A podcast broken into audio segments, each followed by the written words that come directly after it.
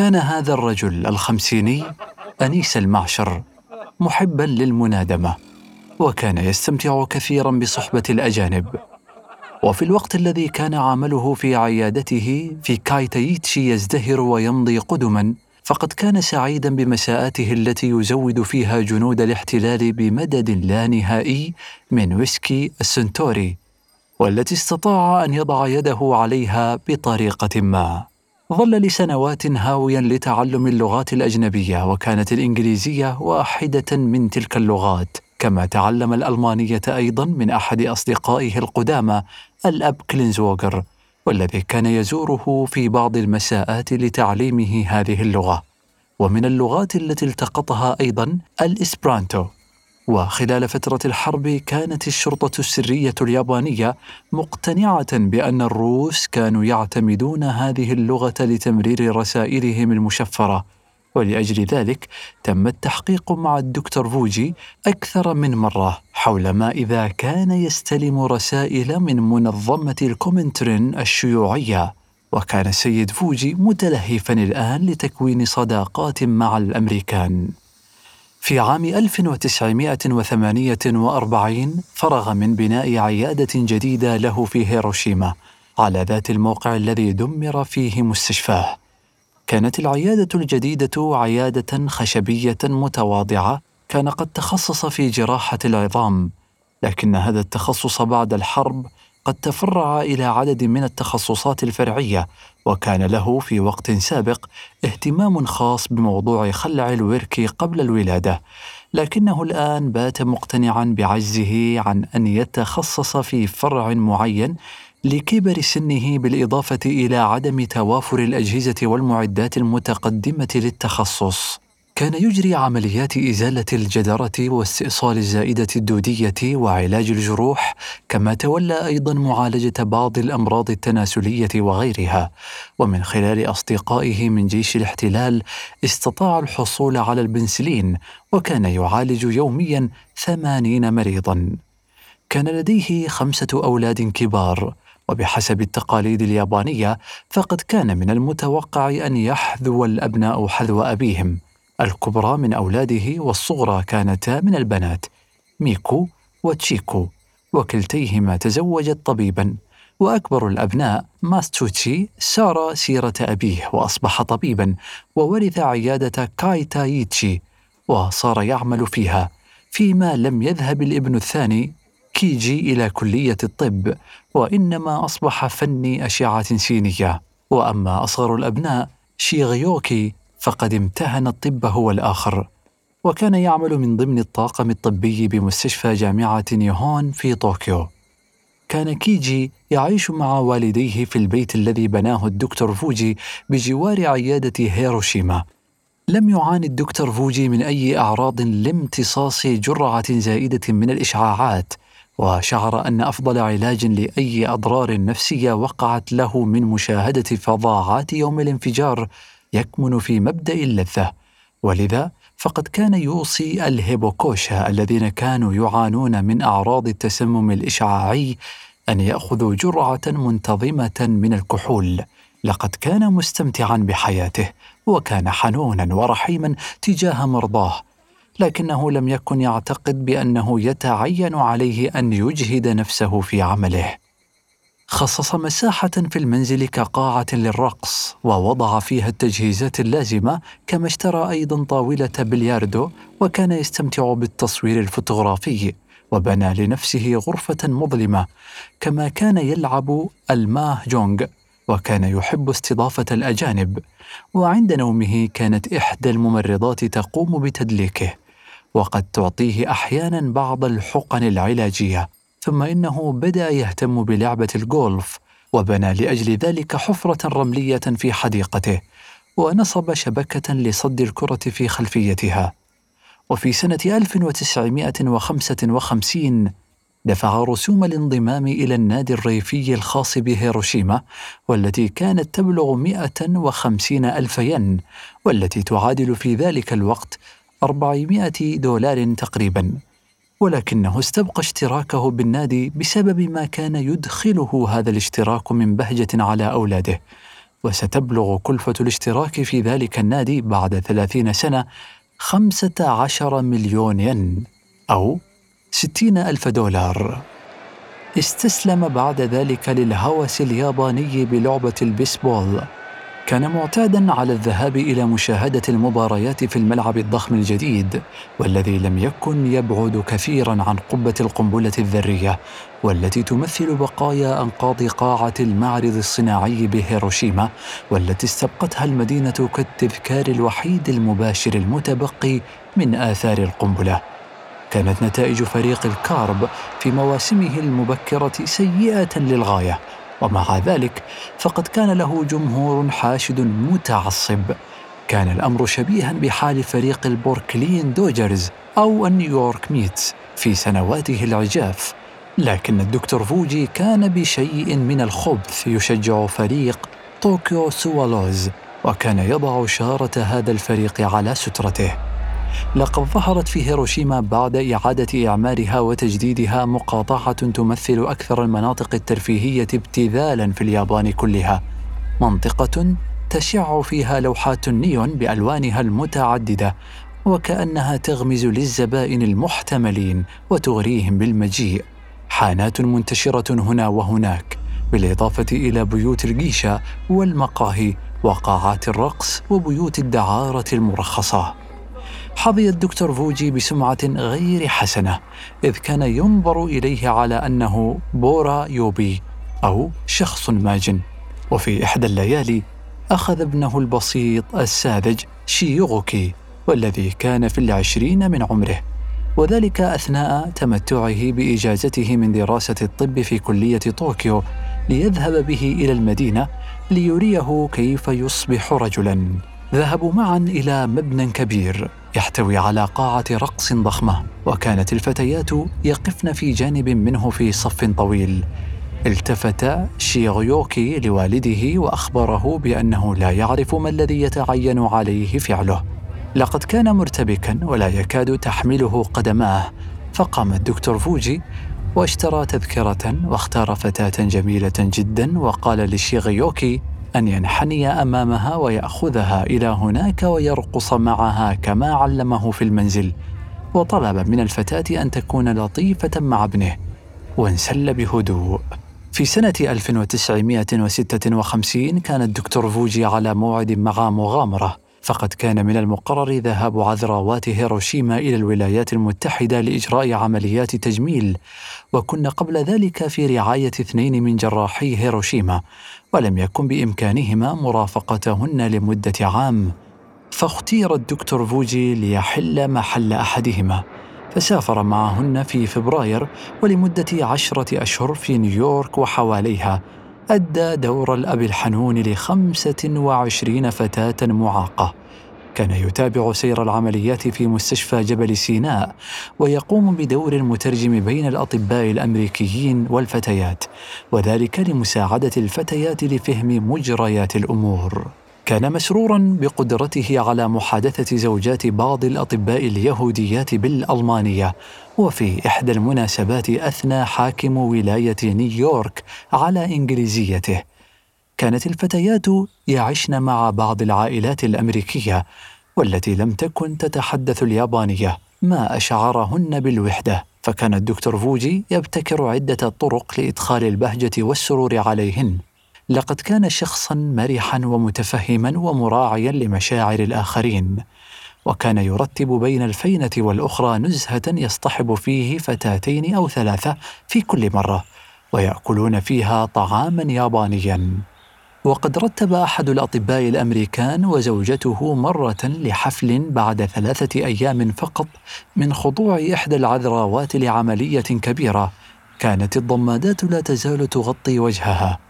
وقد لفت يدها بعصابة وشدت إلى جسدها. لم يرغب الدكتور فوجي أن تفوتها الحفلة واستطاع أن ينسق مع أحد الأطباء الأمريكان لنقلها في سيارة لوموزين حمراء مفتوحة. ومن ورائها دورية شرطة تطلق صافرة إنذار. وفي الطريق طلب منهم الدكتور فوجي التوقف عند إحدى الصيدليات. ونزل من السيارة واشترى لها لعبة حصان بعشرة سنتات وطلب من أحد رجالات الشرطة أن يلتقط لهم صورة أثناء تقديم الهدية. وكان في بعض الأحيان يخرج وحده لقضاء وقت ممتع وكان صاحبه في تلك الرحلة طبيب ياباني آخر اسمه تاكاهاشي وهو صاحبه في غرفة الفندق أيضا. وكان هذا الدكتور لا يشرب كثيرا. وكان خفيف النوم. وكان الدكتور فوجي إذا رجع إلى الغرفة في وقت متأخر من الليل يصطدم بما حوله ويتخبط ثم يسقط نائما. لتعلو منه سمفونية شخير. لقد كان يقضي وقتا رائعا. ولكن هل ظل كذلك بعد تسع سنوات هناك في هيروشيما؟ هل استمر في مرحه غير عابئ بالمستقبل؟ زوج ابنته تشيكو كان يعتقد أنه لم يكن كذلك. لقد كان يعتقد بأنه كانت تلوح عليه أمارات تكشف عن روح عناد وجمود وميل نحو الحزن والكآبة. وقد ترك الابن الثالث شيغيوكي عمله في طوكيو ليعين أباه ويخفف عنه في عمله. وانتقل ليسكن في منزل كان والده قد بناه على قطعة أرض قريبة من العيادة. وقد عرضت للأب مرة سحابة صيف عابرة وذلك أثناء رئاسته لنادي الليونز بهيروشيما حيث تشاجر مع أحدهم. كان الشجار حول ما إذا كان يتعين على النادي التحول من خلال سياسة القبول إلى منظمة حصرية للطبقة الارستقراطيه كجمعية الأطباء اليابانيين أم أن عليها أن تبقى كما هي في جوهرها منظمة خدمية مجتمعية مفتوحة للجميع. وحين بدأ أن الدكتور فوجي قد يخسر في معركته هذه نصرة للرأي الأخير استقال فجأة من موقعه مع شيء من خيبة الأمل والإحباط. وبدأت علاقته مع زوجته تسوء. فمنذ مجيئه من رحلته من أمريكا رغب أن يكون له منزل مشابه لبيوت الأطباء التي رآها هناك وهو ما كدر خاطرها وتسبب في استيائها لكنه صمم على رأيه وبنى ذلك البيت بجوار المنزل الخشبي الذي كان يعيش فيه شيغيوكي. لقد كان بيتا مبنيا من الخرسانة بثلاثة طوابق وكان بيتا خاصا به وحده. كان الطابق الأرضي مؤلفا من غرفة معيشة ومطبخ على الطراز الأمريكي وكان مكتبه في الطابق الثاني حيث تصطف على الجدران كتب مجلدة والتي اكتشف شيغيوكي أنها عبارة عن مذكراته التي نسخها في كلية الطب عن مذكرات أحد زملائه في القاعة واسمه إيواماتو والذي كان ألمع منه وأكثر تميزا أما الطابق العلوي فاشتمل على غرفة نوم بمساحة ثمان حصر ومصممة على الطريقة اليابانية بحمام على الطراز الأمريكي.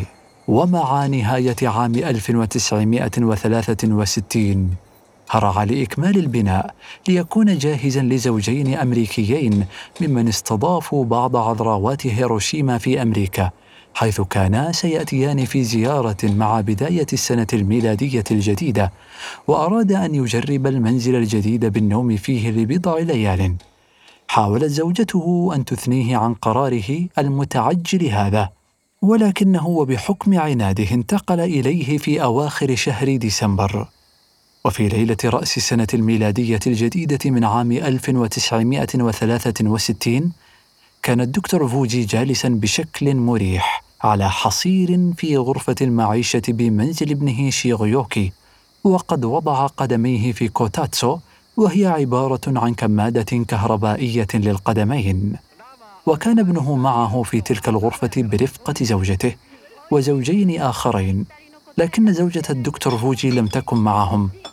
كانت الخطة أن يستمتعوا ببعض المشروبات ويشاهدوا برنامجا سنويا يعرض على الشاشة في ليلة رأس السنة الميلادية يسمى كو هاكو أوتا غاشين وهي مسابقة بين فريقين فريق أحمر إناث وفريق أبيض ذكور. يشارك فيه عدد من المطربين المشهورين والذي يتم اختيارهم للبرنامج من قبل استطلاعات الرأي من قبل المستمعين. وكان فريق التحكيم بالبرنامج يضم عددا من مشاهير الممثلين والمؤلفين ولاعبي الجولف ولاعبي البيسبول أيضا.